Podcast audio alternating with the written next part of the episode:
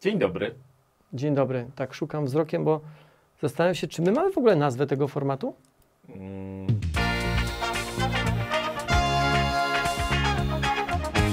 Ty zaczynasz, ja zaczynam? to ja zacznę. Widziałeś już NASA Plus? Nie. Jest nowy Ale wiem, serwis. że jest. Tak, jest nowy serwis, który NASA wypuściło, w którym możecie sobie pooglądać za darmo zarówno filmy, jak i możecie sobie pooglądać na przykład starty rakiet. E, I dla mnie niesamowite jest to, że oni nie tylko nagrali to, wypuścili to za darmo, naprawdę z taką wielką misją, ale to, że możecie nawet pooglądać sobie tam też są serie dla dzieci, są seriale dla, dla dorosłych, e, więc jeżeli chcecie natchnąć swoich bliskich, zach- zachęcam Was do tego, żebyście obejrzeli. E, I są serie o ludziach, którzy brali udział w misjach, są serie o tym, które opowiadają, jak następowała eksploracja przez e, różne misje, które NASA zrobiło. I w sumie to jest niesamowite, bo to jest w pełni otwarte, w pełni za darmo. Ja już oglądałem pierwsze rzeczy i bardzo mi się podoba, także myślałem, że tak trochę wezmę Cię pod włos, jeżeli chodzi o tą NASA. Yy, pod włos. Ym, Pominę tą złośliwość. NASA w sposób zupełnie niesamowity podchodzi do kwestii y, praw związanych z tym, co wiąże się z ich, z ich pracą, także praw związanych z samym znaczkiem NASA. To, że tak wiele osób y, ma na koszulkach, na bluzach napis NASA czy znaczek NASA, y, wynika z tego, że NASA po prostu w którymś momencie uznała, że wrzuca wszystkie prawa na szerokie wody. Kto chce, w zasadzie może to brać. Finał jest taki, że mm, no, NASA jest na każdym kroku, a ESSA w zasadzie nie funkcjonuje w ogóle. To trochę takie wirusowe działanie, jeżeli chodzi o domenę publiczną, w sensie licencję w stylu domeny publicznej. No bo im więcej tego widzicie, tym bardziej jesteście świadomi tego. No i jak zwalczają się różne rzeczy, mimo wszystko wiem, że tu nie chodzi o zwalczanie, ale jeżeli macie jakieś równoległe projekty, które z tego korzystają, no to te z domeny publicznej zazwyczaj przebijają się do świadomości i są po prostu popularniejsze. Oczywiście NASA jest prościej, bo NASA wylądowała na Księżycu, a ESA nie. NASA należy do konkretnego kraju, więc można wokół niej budować także poczucie tożsamości narodowej, Tak co każdy, kto był w Stanach Zjednoczonych i był w którymś z ośrodków NASA, widzi od samego progu, że tam znaczek NASA jest równie często pokazywany co barwy narodowe. W przypadku ESY jest to bardziej kłopotliwe, bardziej złożone, bo jest to jednak organizacja międzynarodowa. W Szwajcarii wykonano operację, która skończyła się tym, że osoba sparaliżowana, osoba z uszkodzonym rdzeniem kręgowym mogła poruszać rękami, a nawet palcami, co jest bardzo skomplikowane. To jest ogromne wyzwanie. Wcześniej przeprowadzano takie, w których osoba sparaliżowana mogła chodzić.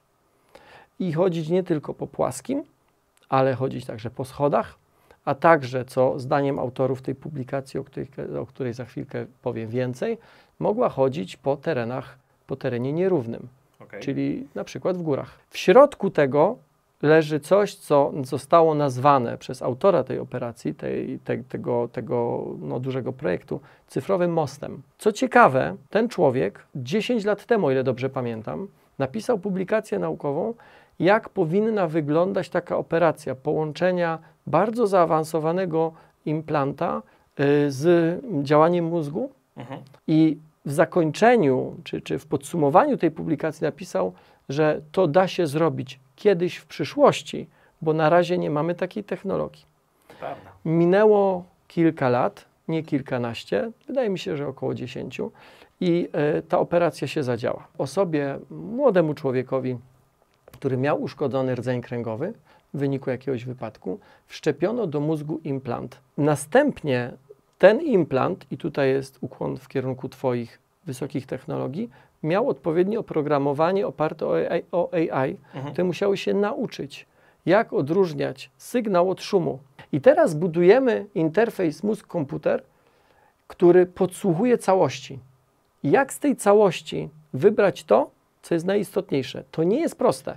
I analogowo albo w sposób inny niż właśnie przez odpowiednio uczące się algorytmy, niezwykle trudno jest to robić i tak naprawdę dochodzimy gdzieś tam do ściany, że dalej się nie da. No bo to nie jest tak, że w mózgu mamy miejsce, gdzie jak tu się wepniesz, a tu, tu kontrolujesz nogę. To są No tak. aktywacje, które są aktywacjami szerszymi. One się rozchodzą, to jest Dokładnie. prąd elektryczny, tam jest, y, że tak to ujmę, mokro, tak? Znaczy to jest po prostu no, żywy organ, więc Tak. ten prąd elektryczny, on, jego przewodzenie nie ogranicza się do jakiegoś malutkiego kawałka, tylko te impulsy się rozchodzą po całym, po całym mózgu. I to jest połowa Mhm. całego hardware'u, bo druga połowa była zainstalowana w okolicy rdzenia kręgowego, czy przy, przy rdzeniu kręgowym, poniżej miejsca uszkodzenia. Okej. Bo powyżej miejsca uszkodzenia te impulsy są w sposób naturalny przekazywane rdzeniem. Problem polega na tym z zerwaniem rdzenia, albo ze zmiażdżeniem, albo z uszkodzeniem, że one nie są w stanie przechodzić dalej. Czyli to wszystko, co jest uruchamiane poniżej tego uszkodzenia, yy, no nie działa. Mhm. W zależności od tego, gdzie ten rdzeń zostanie uszkodzony, taka osoba albo nie może chodzić, ale potrafi ruszać rękami, albo jeżeli to uszkodzenie jest gdzieś wysoko, to no, może nie umieć się w ogóle poruszać i komunikować. Czyli, żebym dobrze zrozumiał, mamy tak, mamy tu jednego chipa w głowie, a drugi jest na rdzeniu kręgowym, który... Poniżej, poniżej Uszkodzenia. i one się z sobą komunikują czyli i tak przekazują te informacje. I to jest ten most. Jasne. I on jest cyfrowy, dlatego że on się odbywa pomiędzy dwoma urządzeniami technicznymi, znaczy mm, jakby opartymi Tak, o tak. krzem. I to zadziałało. Petarda. I ten człowiek em, potrafił ruszać rękami. I nie tylko rękami, ale także palcami. A tu A to jest jest dużo bardziej skomplikowane niż chodzenie nawet po najbardziej niepewnym gruncie, dosłownie i w przenośni. Trochę o szpiegowaniu. Mhm. To jest temat, który strasznie mnie dotknął. E, W sensie tak dotknął, bo uważam, że nie jest wystarczająco nagłośniony, a warto o tym rozmawiać. Nadchodzi EIDAS 2.0, czyli nowa regulacja w Unii Europejskiej, mówiąca o tym, jak zajmować się cyfrową tożsamością. I to ma bardzo dużo pozytywnych efektów, bo w pewnym momencie, jak będziemy wyjeżdżali za granicę, no to nie będziemy potrzebowali plastikowych dokumentów, bo jak będzie uspójniony rynek, no to wystarczy nam wtedy nasz M-obywatel. Na razie bycie za granicą bez dokumentu nie jest legalne, więc wtedy będzie można mieć M-obywatela i będzie można przedstawić się, że ja to rzeczywiście ja. Natomiast w tym EIDASie pojawiły się zapisy, które są mocno niepokojące, przynajmniej dla mnie. Bo wyobraź sobie, że okazuje się, że teraz każde z państw Unii Europejskiej będzie mogło wydać takie specjalne certyfikaty, które będą trafiały do wszystkich przeglądarek, które będą obowiązkowe na terenie Unii Europejskiej. I teraz tak. Te ty- certyfikaty. te certyfikaty. I teraz tak, y, jako twórca takiej przeglądarki, no to musisz to dodać zgodnie z prawem i nie możesz usunąć. A czemu zabezpieczyli się w taki sposób? No bo jest przykład Kazachstanu sprzed paru lat, gdzie tam władza, chcąc podsłuchiwać ludzi, też zrobiła taki certyfikat, który wszyscy musieli mieć. No ale twórcy przeglądarek stwierdzili, no nie, no to jest jawna próba podsłuchiwania użytkowników. I teraz normalnie to jest tak, że takie certyfikaty każdy serwis gdzieś tam otwiera. Wchodzisz na maila, wchodzisz na coś tam, na YouTube'a i to połączenie jest szyfrowane. Ale po drodze, jak się okaże, że będzie ten certyfikat, który będzie przez każde z państw mógł zostać wystawiony, to oni mogą to podsłuchiwać. Czyli zamiast połączenia takiego bezpośredniego, end-to-end, ja, ty jesteś YouTube'em, ja z tobą rozmawiam, wszystko jest, pozostaje między nami, po drodze, jak ktoś będzie miał ten certyfikat, który zostanie zaufany, no to on może, ja najpierw się połączę do niego, on będzie zaufany, no więc nie ma problemu, on sobie odszyfruje, zobaczę, co ja tam chcę na tym YouTubie oglądać, albo co wysłać i tak dalej, i potem wyślę tam do, do Google'a czy do kogokolwiek innego. I ja, to jest największe ryzyko, że ktoś po drodze będzie mógł szpiegować. No bo e, to jest wprowadzenie w pewien sposób w ca- na całym terenie Unii takiego, e, jak to się ładnie mówi, trojana, e, który spowoduje, że no jak komuś się noga powinie, no to będzie można nas podsłuchiwać po drodze. Ja nie wierzę, że oni to zrobili specjalnie. W sensie moim zdaniem to jest bubel, przynajmniej taką mam nadzieję, ale jest szansa, żeby jeszcze to powstrzymać, no i żebyśmy nie byli wszyscy szpiegowani, no bo e, to jest przykład, przykład Kazachstanu, który na szczęście nie wyszedł. Tutaj w prawie pokazali, że no nie, nie będzie można tego usunąć, także EIDAS 2.0, o ile moim zdaniem całość jest bardzo pozytywna dla nas na terenie Unii Europejskiej, tak to szpiegowanie to jest straszny piach. Ten tekst był na razie niejawny i ludzie, którzy walczą o prywatność, byli gdzieś tam w środku, opublikowali kawałki tego, które właśnie były związane z możliwym szpiegowaniem. Więc y, ja mam nadzieję, że presja gdzieś tam na polityków jakoś zadziała, że, no, że taka furtka do szpiegowania wszystkich nie zostanie wprowadzona. W Journal of Experimental Biology poja- pojawiła się publikacja tłumacząca, jak to się dzieje, że kolibry potrafią mm, przefrunąć, prze, przelecieć, prześliznąć się przez szparę, która jest dużo węższa od nich, jak lecą tak normalnie z rozłożonymi skrzydłami. Nie było to proste, a mówię o tym dlatego, że po pierwsze, kolibry są bardzo ładne. Mhm. Po drugie, nie jest prawdą, że co jakiś czas je widzicie w Polsce. To, co widzicie, to nie jest koliber. To jest, to jest, to jest pewien rodzaj owada, um, ale to jest nieistotne. E, a po trzecie, dlatego, że tam jest AI. E, w tym W kolibrach? nie w kolibrach, w tym projekcie naukowym. A, Trzeba było stworzyć odpowiednie oprogramowanie, które jest w stanie nie tylko rejestrować, ale także interpretować bardzo gęsto ułożone klatki filmowe, bo kolibry są niezwykle Szybkie, szybkimi jasne. ptakami. Ale co ciekawe, kolibry jako jedne z nielicznych ptaków, a być może w ogóle jedyne, e, nie potrafią składać skrzydeł w nadgarstku i w łokciu. E, ich skrzydła są skrzydłami sztywnymi. One nie potrafią tego zrobić, co wiele ptaków, że tak je złożą, trochę Mhm. jak scyzoryk się składa. mhm. Więc to była zagadka. Dotychczas nie potrafiono tego zrozumieć i postanowiono zrobić eksperyment. Eksperyment polegał na tym, że umieszczono jakiś rodzaj płynu, który e, kolibry em, namawiał do konsumpcji, ale ustawiono go, czy zainstalowano za takim, bym powiedział, przeszkodą, która miała szparę o konkretnych tam rozmiarach.